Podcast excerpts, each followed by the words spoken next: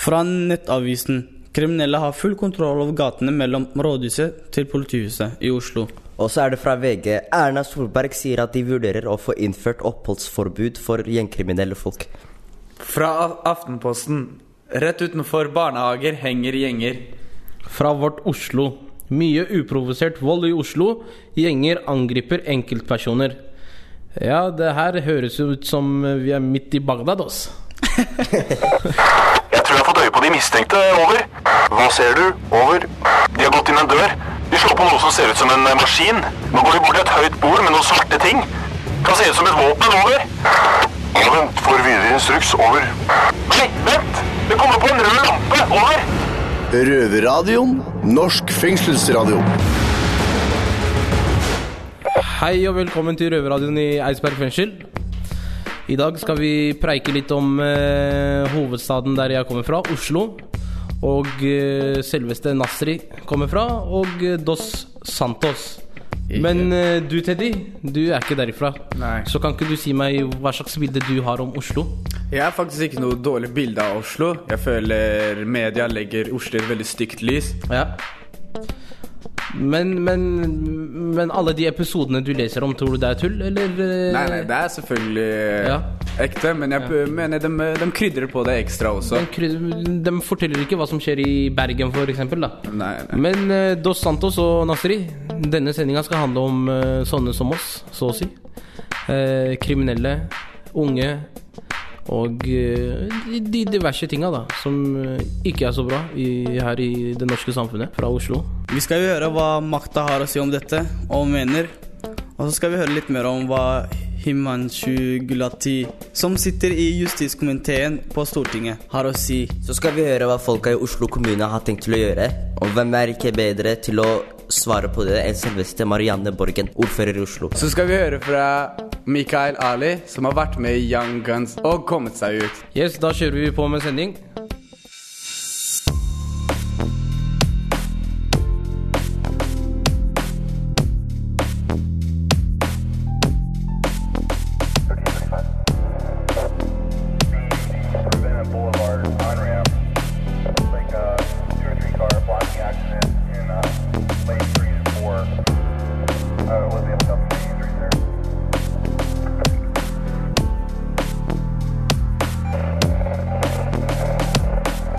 Skal videre til eh, Marius, eh, vår røver på utsida, som skal eh, intervjue Humanchi Galati, stortingsrepresentant for eh, Frp, som skal eh, snakke om eh, hva staten har tenkt til å gjøre for å stramme inn eh, gjengene og kriminaliteten i Oslos gater.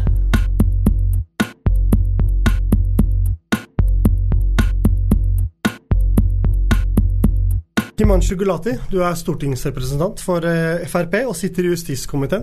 Eh, Velkommen til Røverradioen. Tusen takk, og takk for invitasjonen. Bare hyggelig. Eh, I det siste så har vi opplevd en del vold og en del reaksjoner på volden fra politikere og ivrige samfunnsborgere. Mm. Hva er dine tanker? Jeg er veldig interessert i hva er det du tenker rundt alt det her? Ja. ja, For det første så tenker jeg at det vi ser nå, er en ny trend. Eh, vi har alltid hatt eh, ungdommer som eh, driver med bråk og kanskje gjør noen feil tidlig i livet, men jeg tror vi ser en økning av stadig yngre folk som kommer på en feil vei tidlig. Og hvis ikke vi gjør noe med det nå, så tror jeg at vi kommer til å se mange flere kull og en hel generasjon eh, komme litt på feil bane. Så jeg tror det er viktig å rette opp i dette og få ungdommen på riktig vei før dette får utvikle seg. Hvor alvorlig vil du si situasjonen er i dag? Jeg vil si at den er forverra. Øh, Men den kan fortsatt øh, snus. Når jeg ser øh, over grensa til Sverige, så ser jeg en langt mer alvorlig situasjon. Over 1700 bilbranner i året. 200 eksplosjoner bare hittil i år. Så det, er kanskje skrekkscenario på hvordan ting kan bli i Norge om man lar ungdomsgjenger og, og andre utvikle seg. Men vi kan fortsatt snu det og gjøre dette til noe positivt. Hva tenker du mens vi prater nå? Så tenker jeg sånn, Hva er det du tenker er grunnen til at det har økt så fælt? Fordi både jeg og Rune vi, vi kom jo fra en tid eh, som det var eh, litt mildere. Før intervjuet så snakka jeg litt med mine kollegaer om at jeg føler at eh, vi som er eh, gamle i gamet nå, eh, vi hadde nesten ikke overlevd i dag. Eh, fordi det, det er blitt så mye forverra.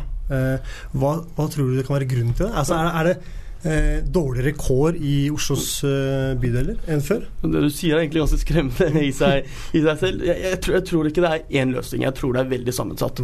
Og Noe av det håp, eh, handler åpenbart om integrering og innvandring. Det er en del bydeler i Oslo med veldig veldig høy andel eh, folk med innvandrerbakgrunn, og der er det nok eh, manglende integrering og at mange føler seg som outsidere, som er med til å bidra til dette. Og Det handler igjen sammen med både fattigdom og en del andre ting. Så jeg tror både pro problemer med integrering i deler av Oslo og eh, kanskje manglende rollemodeller, eh, og at det ikke er blitt satt tydelige nok eksempler og uh, gitt tydelige nok konsekvenser når folk gjør noe gærent, eh, i en kombinasjon gjør at dette har blitt så ille som det har blitt i dag. Du har jo kommet med et forslag som, som har vekt reaksjoner. Mm. Eh, og det er jo da at du skal ta fra foreldrene barnetrygd og Mm. eh, trygdeytelser. Eh, står du fortsatt ved det? Ja, Jeg ønsker ikke å ta fra noen eh, ytelser overhodet. og Også fordi dette er familier som utgangspunkt har det vanskelig, så vi vil ikke gjøre livet noe vanskeligere for dem. Men det er et problem at foreldre ikke ser ut til å bry seg eh, eller har noe respekt for politiet hvis en 15-16-17-åring blir, blir kjørt hjem av politiet. Så det jeg vil, at de skal se at det er en konsekvens i den andre enden hvis ikke de gjør sin foreldreplikt og er til stede, mer til stede i barnas oppvekst. Så, så hvis ikke man kan ha trusselen om at vet du hva, hvis ikke hvis dine barn blir tatt av politiet, så mister du en ytelse i tre måneder eller fire måneder eller hva det skulle være. Så hvis ikke man har en sånn eh, pottepisk i den andre enden, så tror jeg en del familier ikke vil involvere seg, dessverre. Det første som slo meg når jeg leste eller, og fikk lest opp det forslaget, så tenker jeg jo eh, som all kriminalitet, da, så, så er det jo en grunn til at det skjer. Eh, og det er som regel fattigdom. Eh, at folk ikke har det som alle andre har. Eh, dagens ungdom så er det jo mer press med riktig telefon, riktig klær. Eh, ikke sant? Og da tenkte jeg med å ta fra foreldrene en ytelse, så ville det bare gjøre presset for den ungdommen eller de ungdommene enda større for å gå ut i kriminaliteten. Ja, og fattigdom eh, Først begynner med å si at fattigdom er ingen unnskyldning for kriminalitet, selv om jeg skjønner at eh, eh, mange familier har det, eh, har det vanskelig. Men det jeg tenker er at når vi ser at de problemene har kommet med de løsningene vi har i dag, eh, så må vi tørre også å tenke på noen nye løsninger som kanskje kan ha en annen effekt. Så jeg sier ikke at det jeg har er fasiten, øh, men jeg tror vi må Og hvis noen andre har bedre løsninger, så er jeg den første til å, til å høre på de. Men vi er nødt til å gjøre noe som gjør at også eh, eh, foreldrene kommer på banen. fordi i en del innvandrermiljøer så er det et problem at familiene ikke ser ut til å, å bry seg og være involvert. Det eh, jeg mener at vi trenger, det er noe mellom barnevern og, og fengsel. Fordi problemet med dagens barnevern er at eh, man har på at ikke låste dører. Så de mest utagerende, de, mest, eh, de med mest atferdsproblemer, de blir satt i barnevern, og så rømmer de. Og man har eksempler på folk som har rømt 15-20 ganger. Eh, fordi så lenge døra ikke er låst, så, så stikker du av.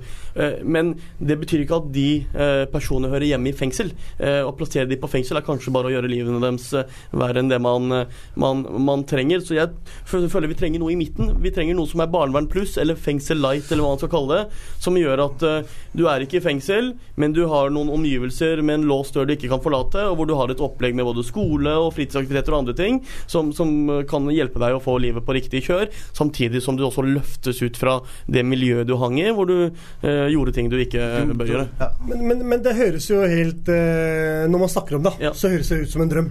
Sant? Eh, og for at en drøm skal komme i oppfinnelse, på en måte, så, så trenger man penger. Eh, og det er jo ikke noe hemmelighet at eh, kriminalomsorgen Der er det store kutt år etter år. Eh, og Vi har jo selv eh, akkurat sluppet nylig ut fra fengsel selv, så vi har også fått oppleve det eh, på ganske nært hold i forhold til tidligere dommere og sånne ting. Eh, og da tenker jeg på hvordan skal man hvis man bruker det litt Eidsberg-greia nå, da. Hvordan skal man klare å få til noe sant i Eidsberg når vi nå hører nylig fra kilder i Eidsberg at eh, visse avdelinger blir bytta på å være stengt fordi bemanninga er så dårlig at de ikke har folk på jobb.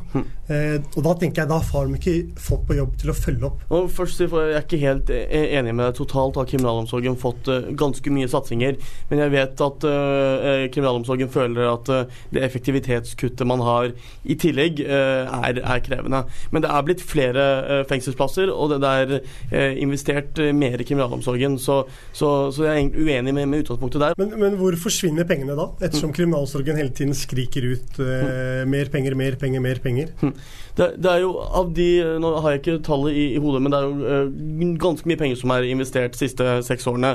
Mye har jo gått i nye plasser, uh, som har vært nødvendig også, fordi vi har hatt en lang soningskø. Uh, en del, man har jo også lagt ned en del gamle plasser og erstattet dem med nye plasser, fordi tilstanden i en del fengsler har ikke vært, vært god nok. Og så har det også vært programmer som går på, på innhold. Men så er det spesielt én ting. Jeg vet at vi får mye klager på fra de ansatte i kriminalomsorgen, og det er såkalt effektivitetskutt på 0,5% som alle statlige etater har. Så selv om man totalt gir mer, så stiller man et effektivitetskrav, og det føler mange er, er vanskelig. Men det har vi valgt å gjøre, ikke bare til kriminalomsorgen, men til alle offentlige etater, for vi mener at det har vært en riktig måte å, å bruke offentlige penger mer effektivt. Også litt sånn til slutt, vi nærmer oss litt slutten. Eh, så tenker jeg arenen av ren nysgjerrighet. Ja. Ehm, fordi man snakker jo om forslag og hva som passer den bydelen, den bydelen. ikke Ja. sant, forskjellig. Eh, jeg er bare litt nysgjerrig fra hvor, hvor, hvilken bydel kommer du fra? Ja. Du, jeg er eh, oppvokst i Lillestrøm, så jeg er egentlig ikke Oslo-gutt. Men eh, alle vi som bor rundt Oslo, bruker nesten mer tid i Oslo, så jeg føler meg som en Oslo-gutt allikevel. Ja. Ja. Ja, grunnen til at jeg er nysgjerrig på det, er eh, for jeg sitter og tenker litt for meg sjøl og snakker med kollegaene mine. Fordi de fleste politikere som kommer med forslag, så, så stiller jeg meg spørsmål Har dere eh, vært i Oslos eh, mørke gater etter klokka tolv? Har dere sett det problemet som dere diskuterer på Stortinget? Har dere eh, med egne øyne sett det og følt det Ja. Jeg, jeg kan vel si at jeg har vel kanskje vært såpass heldig at jeg ikke har opplevd det like mye på kroppen som en del eh, andre. Eh, eh, men, eh, så jeg skal ikke si at jeg vet hvordan alt er og har fasiten på alt, men man prøver i hvert fall å Jeg tror jeg har god erfaring med, med Oslo, men sikkert ikke i nærheten av den som har opplevd dette mest på kroppen.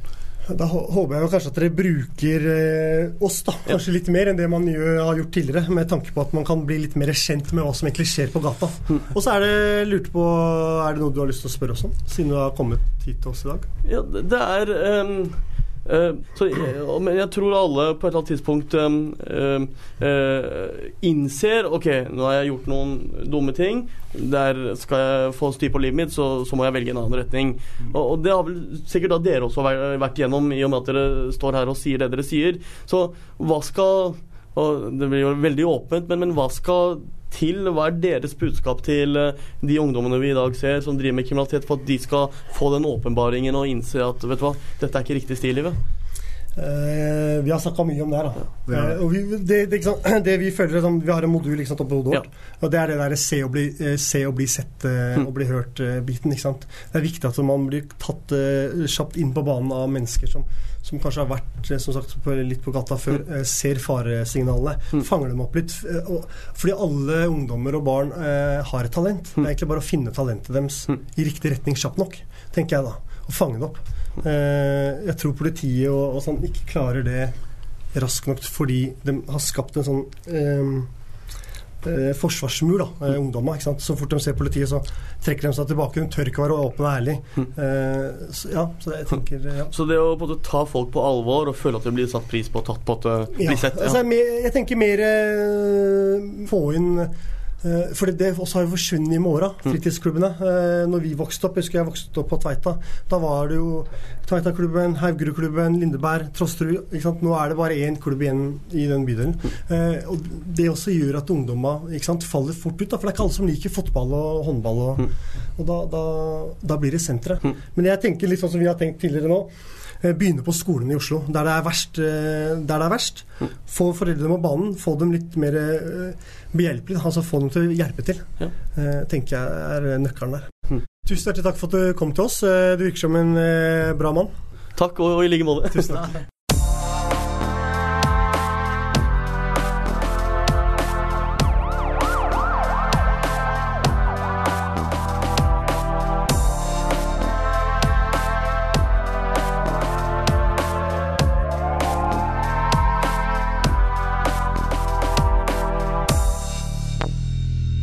Da hørte vi fra Stortinget representanten eh, Gulati, og uh, Eh, Faen, karen er jo fra Lillestrøm, han er ikke fra Oslo engang. Det er det, da. Det er, det. det er lett for dem å snakke. Røverradioen. Vi har sendt vår løslatte reporter Simen med en opptaker til rådhuset i Oslo for å prate med ordfører Marianne Borgen. Og hun skal fortelle om de konkrete tiltakene som Oslo kommune har tenkt å gjennomføre for å løse problemene med ungdomskriminalitet.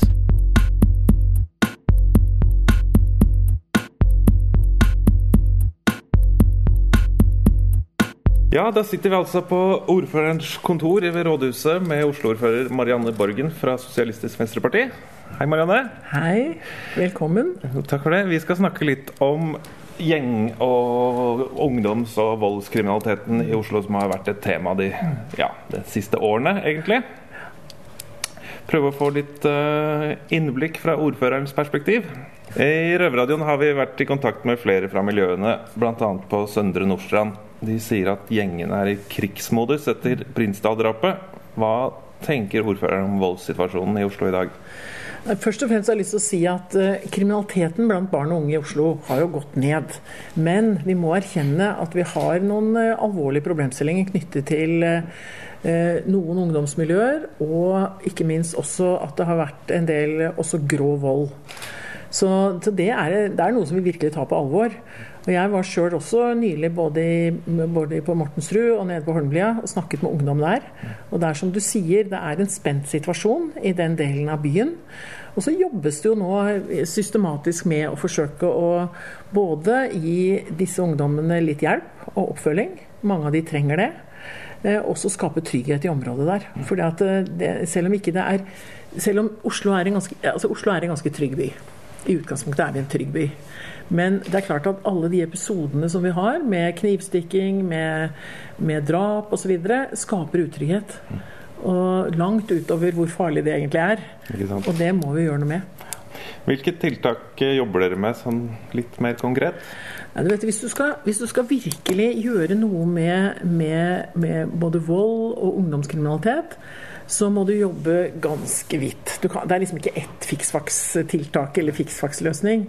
Eh, og jeg må jo si at veldig mange av de ungdommene som jeg treffer, som har, eh, har enten sitter i fengsel, eller har sittet i fengsel, eller har også et rusproblem. Noen har jo en kombinasjon av kriminalitet og, og rus, og psykisk helse som utfordring. Veldig mange av de forteller jo om en barndom og en oppvekst som er veldig krevende. At, vært, at de har vært utsatt for omsorgssvikt, at det har vært vold i hjemmet der de kommer fra, eller i familien. At de har vært utsatt for ulike former for overgrep, seksuelle overgrep. Det kan være mange forskjellige ting. Eh, Så hvis du virkelig ønsker å gjøre noe med voldsutvikling, så må du begynne også ganske så tidlig. Ikke sant? Eh, Sånn at det, vi, det, det aller tidligste som vi gjør, som jeg tror ikke mange kommuner i Norge gjør, nå er at vi har startet opp med noe som heter Nye familier. Hvor, eh, hvor alle som skal ha sitt første barn i Oslo, får besøk hjem før barnet blir født. Ja. Mens mamma og pappa er gravide. Hvor du banker på og sier vi, her er kommunen, og, vi, og er det noe dere trenger, og kan vi fortelle litt om kommunen. Og mange er jo også har kommet nye til Norge, nye til byen, og trenger liksom litt ekstra informasjon. Så det er en sånn forebyggingsgreie som vi begynner med veldig veldig tidlig. Allerede før barna er født. Og da kan du ofte gi hjelp tidlig til familier som sliter. Og det kan ha en positiv virkning på sikt. Så må du ha gode barnehager, og du må ha gode skoler, og vi driver med gratis aktivitetsskole, masse sånne type ting. Så må du ha steder hvor eh, ungdom kan møtes og være. Du må ha ungdomsklubber, du må ha møteplasser. Mange sånne ting jobber vi med, som er forebyggende, da. Ikke sant? Og som på sikt eh, tror jeg vil ha stor betydning for eh, hvor mange ungdommer som får så store problemer som du her snakker om. Men så kan vi ikke bare gjøre det. Vi må jo gjøre noe med de ungdommene som er ute og kjører i dag. Ikke sant? Ikke sant? Eh, og da er det jo flere ting som, eh, som en må jobbe med. Eh, annet så må en forsøke å eh, sikre at eh, disse ungdommene får fullført skolegangen sin. Mange av disse ungdommene er jo sånne dropouts. Altså? Det er derfor jeg sier dette med tidlig innsats, for noen sier at hvis du skal virkelig forebygge dropouts, så må du begynne i barnehagen. Ja. Og jeg tror du må begynne enda før, da. Men, men det å ha, tilpasse en undervisning til ungdom som har hatt et, eh, en, ja, store utfordringer i livene sine, fra, fra omsorgssvikt, fra alle de tingene vi har snakket om For mange av de problemene som, som forårsaker at du blir kriminell, da kalle, Jeg vil ikke kalle nesten folk kriminelle engang, men at du, at du gjør eh, ting som er imot loven. Eh, det skyldes jo den situasjonen du lever i, og den du har levd i. Altså, det, er, det er liksom ikke noe egenskap ved deg som gjør at du gjør ulovlige ting. Det er, Du blir satt i en vanskelig situasjon. Eksempler fra Holmlia og, og Mortensrud, sånn som, der som du begynte med å si. Der er det jo også fattigdom som er en årsak. Du hører jo der om ungdom, eller ja, ikke ungdom, kan nesten si barn i 12-13-årsalderen som eh, får tilbud om å være kurerer. Ja. Eh, ikke sant? De kan frakte da eh, narkotiske stoffer fra A til B, og så kan de tjene 1000 kroner eller 2000 kroner liksom cash per Eller lab. 200. Ja, eller to, jo, men mye penger for de småungene Ja, likevel. Ikke sant? Og, og, da, og hvis, du, hvis du lever i en familie som har veldig lite penger, og lever blant de fattigste i vår by, så er det klart at det å få 200 kroner eller 500 kroner, 1000 kroner for en tilsynelatende eh, liten jobb, eh, det er fristende. Og du gjennom det så kan du også fort komme inn i et system hvor det er lettjente penger, det ser ganske enkelt ut, og så får det store konsekvenser for deg. Ja, vi snakker jo om, hører om disse gutta på 12-13 år som er villige til Ja. å være løpegutter for, eh, for å få seg kjøpe en kebab og en cola. Ja. Eh, Det er liksom det de drømmer om Ja. i, i daglig, det daglige. De Det er jo el- begynnelsen for noen. Ikke sant?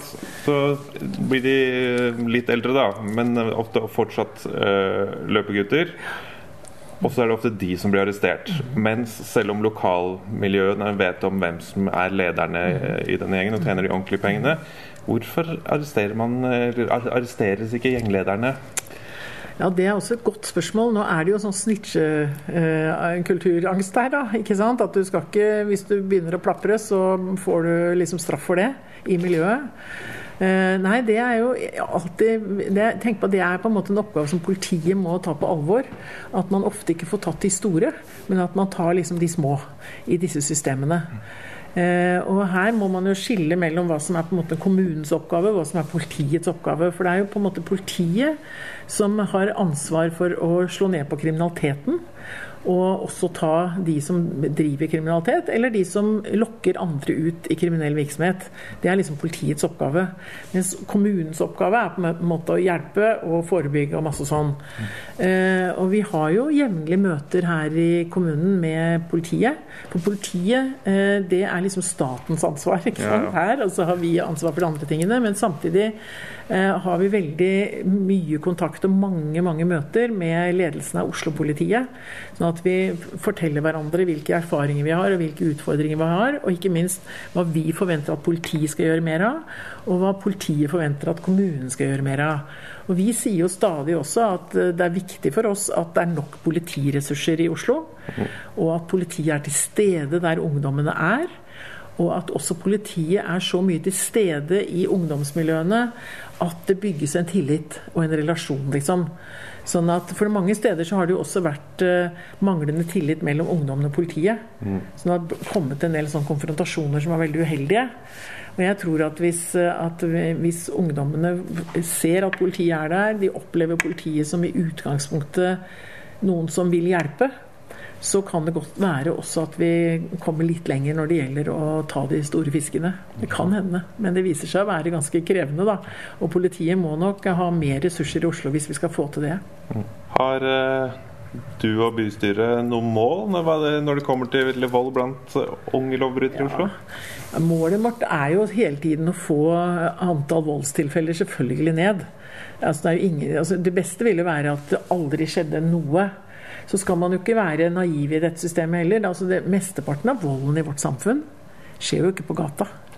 Mesteparten av volden i vårt samfunn skjer i det man kaller for nære relasjoner.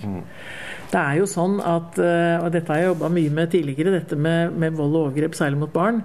Eh, Og det er jo sånn at eh, hjemme i familiene, mellom folk som kjenner hverandre godt, så er det mye grov voldsbruk.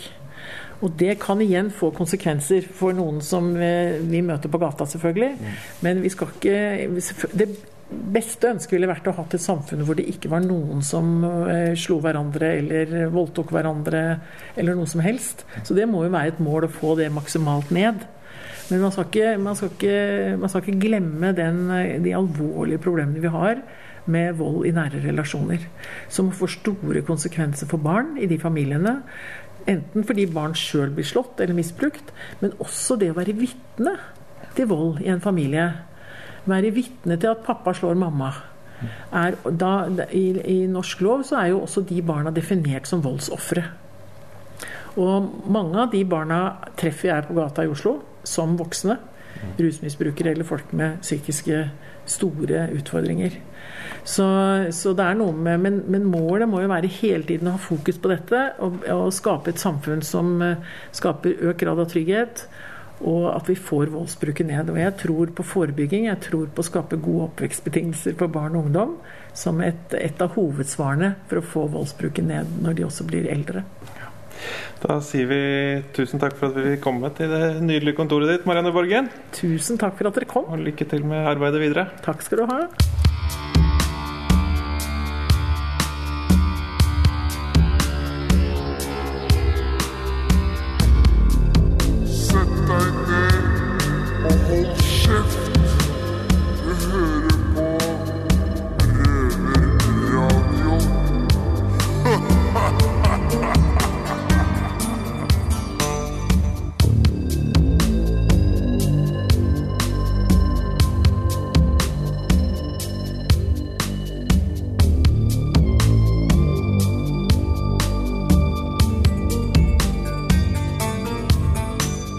Nå har vi hørt hva makta har ment, nemlig fra Stortinget og eh, kommunen. Og nå skal vi over til eh, en tidligere Young Guns-medlem. For de som ikke vet, Young Guns eh, er en tidligere En beryktet gjeng, vil jeg si, i Oslos gater. Som var før i tida. Og nemlig, han heter Mikael Ali. Vi må advare mot sterke skildringer i dette innslaget. Røverradioen. Da står vi her med tidligere eh, medlem av Young Guns, eh, Mikael Ali. Velkommen. Takk skal du ha. Mitt navn er Mikkel. Jeg er ansatt streiting her i Røverradioen. Og med meg har jeg eh, Rune Cato. Hei. Hei. Grunnen til at vi eh, har fått det med her nå i dag, Det er fordi vi har lyst til å høre litt om din ekspertise rundt tematikken. Ja. Så da kan du egentlig bare begynne litt med å si din bakgrunn i gjengmiljøet i Oslo. Ja, eh, bakgrunnen er jo for så vidt at jeg, det var jeg selv som valgte. Det var ingen som truet meg med pistol til å bli medlem av gjengen. Men jeg søkte jo noe, et sted, da, tilhørighet, og der jeg fikk anerkjennelse og ble sett og hørt, og et brorskap. da. Begynte, hvis du, kan- hvis du ser, så ser jeg deg bildet at du kaster en stein i vannet, og Dennis ringer, da. Så begynte jeg ytterst, som løpegutt og liksom slave, for å si det sånn. så, så jeg var nok ikke den smarteste med økonomi og sånt, men, eh, men når det kom til sånn vold og brutalitet, så var jeg ganske ekstrem. Jeg, jeg var villig til å gå veldig langt. Og det førte også til at jeg kom eh, nærmere inn i den sirkelen, da. Så du hadde på en måte den tradisjonelle inngangen som veldig mange som vi ser unge i Oslo nå har. Ja, riktig. Blitt Mhm. tatt inn. Eh, for du, kom, du, du hadde en periode i Telemarksbataljonen. Ja, jeg var eh, Altså, du spoler helt tilbake i begynnelsen, liksom. På alle barneskolen så ble jeg mobba. ikke sant? Jeg har en far som er fra Pakistan, mor er norsk. Eh, så ble jeg mobba mye av de kjetteklassene pga. etternavnet mitt Ali. da, Så jeg ble kalt mye pakkis og sånne ting. Så jeg var jævlig ubehagelig, veldig redd og sjenert og ikke sant? liten guttunge. Eh, og så senere så hadde jeg også jeg har dysleksi og lese- og skrivevansker, så jeg falt jo mye ut av skolen. da, Så jeg følte at jeg ble utenfor. Og jeg klarte ikke å prestere like godt på skolen. Jeg følte at jeg ble ikke sett der. Jeg fikk ikke noe anerkjennelse. Jeg følte meg dum, rett og slett. da, Ble tatt ut av timen. Han derre spesialgutten der, liksom. Og ble mobba pga. det òg, da, for å gjøre vondt verre. Så, så det førte jo også til eh, Jeg slutta tidlig på skolen. da, Jeg, jeg fullførte ikke videregående. Drittlei, begynte å jobbe.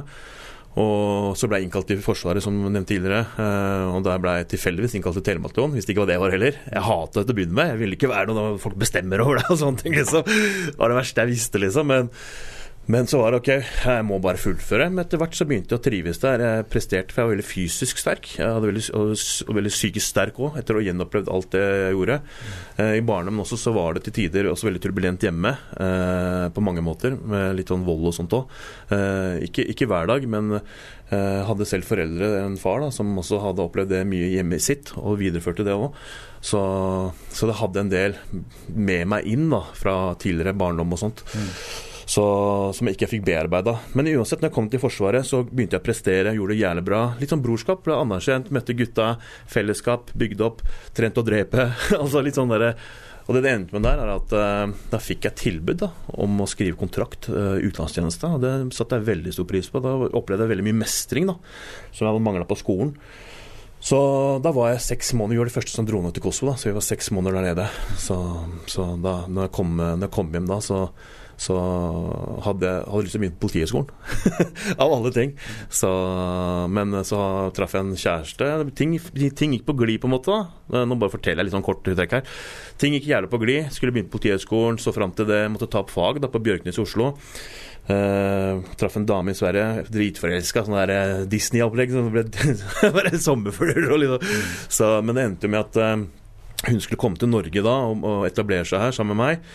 Eh, og vi så for oss en fremtid sammen. da Men så fikk jeg en telefon en dag der jeg fikk vite at hun, eh, hun var død. eh, fordi familien Faren drev med mye kriminalitet, da, mye med heroinsmugling og sånne ting. Og i den sammenheng så ble hun satt overdose på. Og så viste det seg senere, pga. Til, spesielle tilfellet det var der, bare kort innom det, så var det, gjorde at det ble tatt en obduksjon. Da, og da var hun også med barn. da Mm. og da bare knakk jeg sammen. Altså. Det er bare sånn fuck hele verden, liksom. Da, bare, da hadde jeg ikke mer eh, Altså, jeg husker selv at jeg døde inni meg altså, når det skjedde.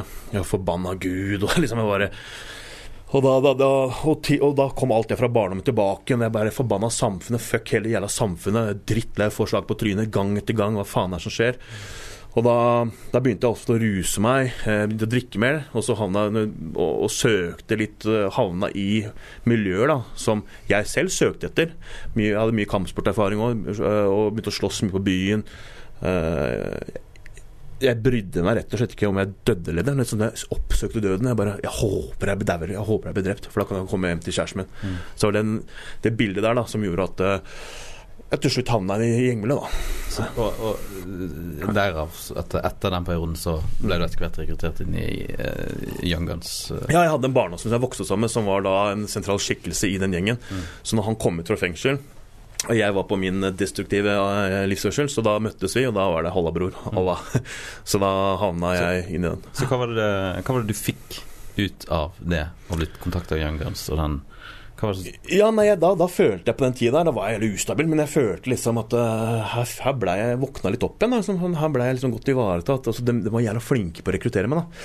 Det var det der brorskapet. Jeg kom inn her, de ga meg penger til mat, de ga meg penger til å kjøpe mobiler. Uh, pluss jeg hadde jo kompetanse med masse våpen. Liksom, våpenkompetanse, eh, stor og sterk. Så den brukte de også bevisst. da, At jeg til, lærte de opp litt forskjellige våpen og sånne ting. og uh, ja, så, så jeg følte meg veldig sett og hørt og møtt med en slags forståelse. Og oppriktig sett så skal jeg være ærlig og si at eh, gutta, og jeg tror gutta mange var glad i meg. Danna sånn godt vennskap og brorskap, på en måte, og jeg er glad i dem. Men det var bare den settingen. For det er så destruktivt med, med narkotika, vi utøver vold, kidnapper folk, liksom torturerer og alt det dritt, skyter hverandre. Så det prega jo alle. Så det der, egentlig det som var ment som en fin greie, at eh, vi er, møtte gode venner og ble godt samhold, men vi bare ødela hverandre. Så med den kompetansen som du har fra Telemarksbataljonen, og din størrelse og din, ditt ønske om å bidra, gjorde at du etter hvert vokste i gradene i Young Guns. Gjorde det. Hva er også så hverdagen din ut når du var med Young? Ja, hverdagen. altså det, Jeg vil beskrive det som eh, Jeg gjorde vel mer, vil jeg påstå, på én dag i gjengen mer kriminelt og mer faenskap enn det kanskje et menneske gjør i løpet av en livstid. altså sånn livsperioden sin. altså Det var alt ifra vi blei jo som vampyrer omtrent. Eh, festa om natta, var ute om natta, holdt på. Sov langt utpå dagen. Samt hvis ikke du hadde en viktig avtale med smugling eller møte med, med hente penger osv. Eller hvis ikke det var helt nødvendig. da. Så det var et liv med veldig mye rus da, for min del. Jeg skal sies at jeg kan, jeg kan kun snakke for meg. da. Eh, Jeg rusa meg veldig mye eh, med kokain, GHB og sånne ting. Men det var mange andre som ikke rusa seg, men var i miljøet. da. Eh, Men det var jo sånn Du lever i den bobla, da. Og hverdagen besto jo av hente penger, selge dop. Eh, eh, ja, oppsøke folk som skyldte penger, true folk. eh, mye vold, da. Og i den bobla, ja. Mm, For Vi hørte med den trekanten i gjengmiljøet. At Mm. På toppen så har du de som er ledere av gjengen, og så har du en kapteinrekke her, og så har du en løp, løpeguttene underst. Uh, og da er det sånn Har du en hverdag der du organiserer på en måte hvordan bunnlinja skal se ut, eller? Ja, det er jo på en måte, hvis man ser litt sånn eh, i det romerske system, militærsystem, da, der henta litt inspirasjon fra, som man kan så se i de italienske miljøene. da. Eh, Det er liksom, du har eh, lederen, da, capo, liksom, og så har du kapteiner, og så har du liksom litt under der. Men det som er greia der, er at de som automatisk blir litt sånn capo, da, liksom sjefene, de er de som ofte sitter med kontaktene inn til narkotika. Så de automatisk blir på en måte den lederskikkelsen, pluss personligheten deres, da. Det skal også sies. Er veldig flinke til å til å få deg til å føle deg inkludert, velkommen. Uh, ja, så helvetes mikrofon, altså. Kan ikke du fortelle oss litt om sånn rekrutteringa, hvordan det fungerer i gjengene i Oslo i dag? Måten jeg ble rekruttert på, som jeg gjorde det samme med de andre, da, jeg rekrutterte jo andre til i miljøet, det er at, på en måte, at ryktet, navnet, er jo allerede bygd opp. Young Guns, liksom. Og folk kjenner jo det. Og, på, og det har jo en viss eh, kraft i seg sjæl, bare navnet. Så når vi på en måte finner Vi ser det tiltrekker ofte de som er allerede De som er, allerede er i gjengen, så har de ofte brødre, eh, og så har de venner i deretter. Så det kommer litt mer inn fra den fronten. da Fra bekjente til bekjente til bekjente igjen. Eh, som er søkende, som ønsker noe annet. da Som, som jeg må ærlig, helt ærlig innrømme at det har litt samme de fellestrekkene. At de ikke har prestert så godt på skolen. Ikke, altså De søker et annet miljø da, der de blir sett og hørt og får anerkjennelse. Og det utnytter vi som faen. Det spiller vi på. Samtidig som vi også gir de penger til å kjøpe, hjelpe mor med husleia, f.eks. Um, så de har penger der. De føler seg inkludert. De får litt den derre statusen. da, Eh, Og utad så vil jeg påstå at eh, Vi kalte det for respekt, da, men jeg, jeg tror det er helt annen ting. At det var mer frykt. Folk var redde oss. Uh, og det opplever de òg, for da, da opplever de at folk på en måte har mer godvilje til dem. At det er andre ungdommer, andre folk ser, du, du, tror selv at de ser opp til deg, men de er mer redde for deg i, i realiteten, i virkeligheten. da. Eh, hvor unge er disse som eh, Hvor unge kan man være, de som man rekrutterer? Hvor, unge, hvor langt ned går man? Vi begynner på baby. Nei, nei vi begynner Altså, det er øh, Yngste vi drev med, var sånn 15-16. Men uh, nå til dags har jeg selv vært i kontakt med ungdommer som er helt ned i 12-årsalderen, som uh, driver tyngre kriminalitet. Som blir rekruttert Uh, og, og har inntekt gjennom kriminalitet. Mm. Er det et kynisk eh, spill, det her med at man bruker masse penger på de unge i begynnelsen? Og Det, det, det, plan, lurer det, de inn i det? det er planlagt fra noen, men samtidig så er det også eh, Jeg vil påstå at eh, de som er i disse miljøene nå, ønsker jo på en måte å ha, ha, ha eh, De bruker mye de ungdommene her da til eh, løpeguttoppgaver. ikke sant? For mange av dem kan ikke bli satt i fengsel. De er under straffalder og sånne ting, og de kan da transportere narkotika i sekker, eh, selge litt der, selge til vennene sine på skolen, nettverk, bruke sitt nettverk. da. Så, så det er ganske kynisk sånn sett òg. Så ja. Ja, hva skal jeg si, stille et spørsmål her nå. Har du noe kontakt med miljøet i dag, eller har du brutt helt? Eh, jeg personlig har, eh, driver ikke noe om kriminalitet, eh, sånne ting. Men det er greit, men man har fortsatt kontakt med ja, ja, miljøet. ja, ja. Det er riktig, det. Jeg har kontakt med miljøet. Jeg, har, jeg er glad i gutta. Men for ett eksempel er hvis jeg treffer for eh, møter dem Jeg har ikke gjemt meg, noe sånt, jeg har ikke stikka, jeg. Så jeg møter jo mange av disse gutta eh, ennå, tilfeldig òg. Og da blir det sånn, Hvis jeg spør kan vi kjøre deg noe sted, Mikael, skal du dit? Jeg velger ikke å sitte på denne bilen da, eh, fordi det kan være en, eh, narkotika, det kan være pistoler. Så jeg tar litt sånn hensyn. Jeg er veldig bevisst på sånne ting. Men jeg har kontakt med enkelte i dag, ja. Mm. Hvordan ser eh, gjengkriminaliteten ut i Oslo i dag?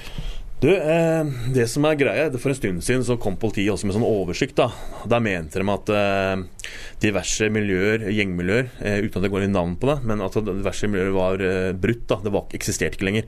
Det er bare bullshit. De eksisterer og florerer på høyt nivå. Så da mener du at politiet ikke vet eh, hva som foregår? Ja, ja, ja. Du har en annen innsikt? Ja, det, det virker litt sånn at eh, Fordi når gjengprosjektet var, da oppretta etter Makke Brygge-skytinga, der min gjeng var involvert med en annen gjeng der, eh, da ble gjengprosjektet oppretta. For det var, det var veldig synlig i samfunnet. eh, altså, ja, og eh, Og da skulle de virkelig ta oss, da. Og det gjorde de også til en viss grad. De klarte å gå inn og oppløse oss og var veldig på. Eh, men det de gjorde da, det var at etter et par år da, så erklærte de politiledelsen da nå har vi seira, nå er ikke noe mer gjenger, og nå har vi vunnet. Men det er jo helt feil, for da de la ned det prosjektet, så begynte alle de der små andre miljøene å blomstre opp og fikk fritt rom. Blant annet det ser vi i dag på Holmlia, da, der de fikk fritt spillerom over mange år. Eh, så, så der, er, eh, det er, Og så har det kommet flere andre gjenger som har blomstra òg. Så, mm, så det, er, det er absolutt til stede. Hvor eh, alvorlig vil du si gjeng- og voldskriminaliteten i Oslo er i dag? Du, Den er ganske alvorlig. Eh, det rammer alle i hele samfunnet. Eh, er, jeg vil påstå at det er flere hundre medlemmer i disse gjengene. I, altså Til sammen sett også, så er det flere hundre samlet sett i alle gjengene. Så dette her spiller inn. altså Det er alt fra næringslivet. Eh, de også eh, brukte gjengene da, til å hente krav og bruke som pyramidespill. Og, så det, det her rammer alle i samfunnet. Og det Gjengproblemet er ikke bare et Oslo-problem, det er et samfunnsproblem. Det er da fra Tromsø til Stavanger til Oslo. Det har faktisk begynt å poppe opp veldig mange gjenger. Så så den til og med på Kløfta på fuckings Romerike. Der er ungdommer. Nei, men altså, det er ganske vilt, liksom. Jeg vokste opp i det området der. Ja, det gjorde det. Det var ikke noe sånne tilstander før. Vår eh, kollega Marius, som er med i Røverradioen, eh, har snakka om eh, i etterkant av Prinsdal-drapet Mm. eh, at det brygger opp til krig eh, Mm. i området der. Mm Ja. Altså, det, jeg tror det kanskje bare er tidsspørsmål før det eventuelt kan skje noe. Eh, så så det, er, eh, det blir sånn hevn mot hevn eh, og blod mot blod. og så man tar hevn. da. Det er, hev- Hevnprinsippet står veldig sterkt. Samtidig handler det om maktpos altså maktposisjon i de forskjellige gjengene, i de forskjellige miljøene. Fordi de som på en måte er Det blir sånn den ene gruppen er kanskje rå, begynner med sånn skyter der og holder på. ok, Så må den andre gruppen bli enda råere. Og så bare fortsetter det og bygger seg opp. Så det, det ender jo med drap. Det gjør det. Tidligere i sendingen så har vi hørt eh, fra justispolitiker i Frp, Himanshu Gulati, justiskomiteen på, eh, justiskomiteen på Stortinget. Mm. Og han har bl.a. sagt at han ønsker å fjerne barnetrygden til familier av kriminelle barn for å straffe de, om det ikke er noen andre tiltak som funker. Hva tenker du om det? Nei, Det er helt mot sin hensikt, eh, med all respekt. Altså, jeg skjønner ikke helt hvor, eh, hva tanken bak det er. Altså, bortsett fra å gjøre det ting enda verre. Du skal straffe de som har det tøft fra før av. Det er bare helt bortkasta. Hvorfor? Jo, altså, det, det, de, de sliter jo med det vi ser også ute i miljøene når vi snakker direkte med ungdommene. For det er jo jævla mange som prater høyt og liksom, vi må gjøre det, det er det tiltaket. Men så må vi bare spørre oss, ok, er det noen som har snakka med ungdommen? Hvor er dem stemmen, da? Hva er det de ønsker? Hvor er det de føler det trykker? Og det har vi gjort noe med. Vi har snakka mye med ungdommen. Eh, Men dessverre så er det sånn at eh, Jeg skal komme tilbake til spørsmålet, men er, dessverre så er det sånn at det er mange av de unge som ikke vil stå fram. Forståelig nok også. Stå ut av de aviser, media og sånne ting. Eh, Så vi blir på en måte bindredde, da, kan man kalle det. Eh, og de sier jo det at eh, altså det mange av de ungdommene ønsker, er at de har råd til å spandere en kebab på dama, for å si litt sånn. da. Har råd til å ta med kompisen på kino. Har råd til å kjøpe den telefonen, den jakka. Så, så det er det de sier til oss. og da må de også ha hjelp med å finne, komme seg inn i arbeidsmarkedet. Ja. Hva tenker du om den jobben du har gjort med rekruttering av barn, og det at du har vært med på å opprettholde gjengkriminaliteten i Oslo i dag? Ja, altså jeg, jeg, jeg er det noe eh, Første bud, som jeg vil påstå, eh, når jeg selv ville ut For det begynte med at tanken hadde en barn Jeg ble frikjent fra en tolvårsdom. Eh, og jeg hadde nettopp opplevd å miste kompiser som ble skutt i huet og brent i en bil, liksom, og masse sånne ting. Skutt mot hverandre, selv avført skudd mot andre. Eh, jeg var jævla prega, så jeg tenkte ok, fy faen, nå, hvis ikke jeg trekker meg nå Jeg har vært mange år i gamet, så enten ble jeg innlagt på psykiatrien, for der begynner det å ta på, med narkomisbruk, steroider. Eh, psykisk, mentalt begynte det å ta på noe jævlig. Lei meg. Jeg klarte ikke å behandle følelsene mine lenger prøvde jeg mista så mange gode venner. Eh, og jeg så også familien som ble prega. Eh, så, så det det startet, når jeg ble, frikjent da, to, for den tolvårsdommen, så tenkte jeg ok, begynte det med huet. Jeg, no, jeg må gjøre noe nytt der. Enten blir jeg innlagt, eller så blir jeg drept, eller så dreper jeg noen og havner i forvaring. Og er, hva, skal, hva skal guttungen, da? For kjæresten min hun var gravid. da eh, Så da tenkte jeg ok, jeg skal prøve å gi han en bedre start. da Men pappaen hans, pappaen hans der og da var en voldsmann, narkoman. Så er, hva er det jeg kan tilby han, da? Eh, så da var det måtte jeg ta fra tanke til handling. da Så da måtte jeg begynne med meg sjæl. Og da, det det starter ofte med da, er det er en jævla tøff prosess, men det er verdt det. bare så jeg har sagt altså. Men det er erkjennelse av hva faktisk problemet ditt er. Ja, jeg, er en, du må si, jeg, jeg, jeg har et narkoproblem. Jeg klarer ikke å styre det. Jeg tror jeg har kontroll på det, men jeg hadde ikke det. Helt til slutt her. Eh, har du tro på at det går an å få kontroll på gjengkriminaliteten i Oslo? Aldri. Nei. Du mener ikke det, Rune? Det vil alltid være de som faller utenfor og søker en annen form for uh, vei. Da. Uh, og rusen er såpass sterk driver her at uh, rus er kobla opp på så mye kriminalitet som er også så, Men om, om det Om det, kom, det har vært sin tiendes dag, holdt jeg på å si siden etter krigen nå, så var det gjenger det var etablert. Med, så, så jeg tror at, det, at problematikken vil ikke helt forsvinne, men man kan gjøre mest mulig for å forebygge og jobbe opp imot det. Tusen takk for at du kom på besøk til oss, Mikael Ali. Takk, jeg vil komme.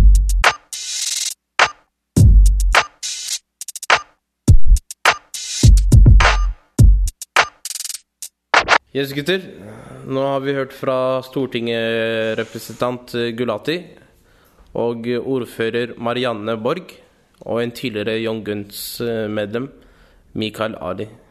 Hva, kjenner dere dere igjen i det de sier, eller eller de tiltakene de kommer fram med, da? De burde få mer tilbuder, liksom. ikke sant? ja. ja. Spille Kanskje bli invitert på et fotballag, Ja. eller sånne ting, da.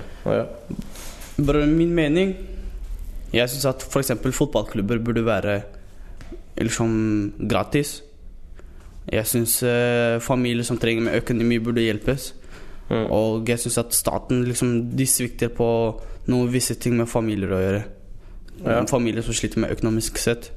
Fordi jeg mener at en En liksom, etnisk somalisk gutt som har dårlig liksom, familie, Familien sliter med dårlig økonomi, økonomi Ja, dårlig råd.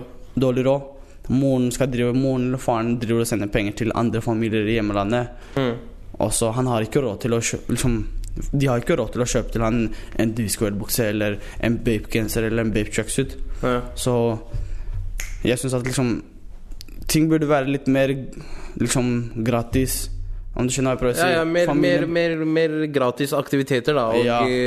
Før i tida, da, da jeg var liten i hvert fall, så for å komme inn i eh, en klubb, da eksempel eh, hvis du skal komme på en ungdomsklubb, så måtte man betale inngangspenger. ikke sant? Riktig. Istedenfor at det skal være gratis. Ikke Og- bare inngangspenger, bro. Du må betale for drakten, du må betale Ja, ja. for sko, du må betale for alt mulig. Når det kommer til fotball, eksempel. Så sånne ting, sånne ting liksom Man burde hjelpe til med sånt med familier som virkelig trenger det. Det er min mening. Det, det må jeg si meg enig i. Altså. Og det jeg synes det er, det er I mine øyne det er det eneste løsningen, egentlig.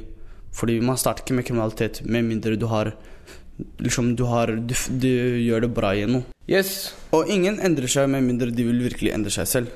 Helt Så de som vil endre seg, de som vil De må ha motivasjonen. Riktig. Den som vil ha den hjelpen, burde Ja. få den hjelpen, og egentlig de burde sette liksom, Gå all inn i den, den personen som Eller de menneskefamiliene som virkelig trenger den. Ja. De som virkelig oppsøker den hjelpen. Mens de som ikke vil, jeg syns at liksom Ha det. De burde finne på sin egen måte. Men jeg mener også at uh, foreldre kan si ifra, da. Istedenfor at, for at uh, barnevernet, eller uh, som hun sa, Marianne Borg, Borgen, at før barnet er født, skal vi komme og spørre om de trenger noe. Det, det, det, det høres ikke logisk ut for, meg, for min del. Da. La barna komme ut allerede, allerede de er i systemet, og barna har ikke kommet ut. Skjønner du? Jeg mener at eh, foreldre kan uh, bli hva heter den, bedre på å si ifra hvis de trenger hjelpen.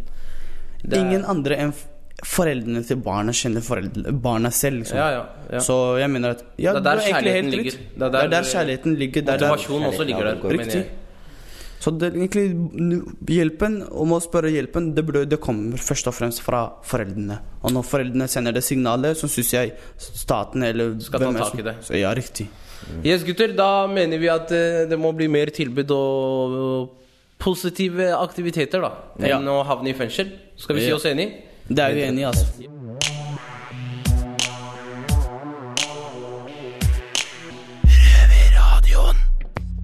Det var det for denne gang eh, fra oss gutta her i Eidsberg fengsel. Eh, Dos Santos, hvor er det lytterne kan høre oss? Dere kan høre oss hver lørdager klokken halv fire på NRK P2 og hvor du vil, når du vil, på podkast. Ferdig, da. Nasri, hva skjer i dag, mann? Lufttrene, og så Enig Same shit, samme, dag, hver, eh, samme ting hver dag, hæ? Ja. Teddy, hva skjer? Er det noe spennende, eller? Nei, ikke noe spennende. Bare same shit, different day. Lese Ja. litt bøker, se litt på TV, og så gjøre klar sommerkroppen til 2021. Ferdig, mann. Den er ferdig, mann. Ja, god tid. God tid, mann. Herlig, herlig. Greit, gutta. Skal vi takke for oss? Det gjør vi. Jalla. Nasri takker. Det har vært stille fra over en time. Hva skjer? Over. Det er bare et radioprogram. Det er lettere å høre på dem der. Over. Ja, vet du når det går, da? Over. Det er samme tid og samme sted neste uke. Over.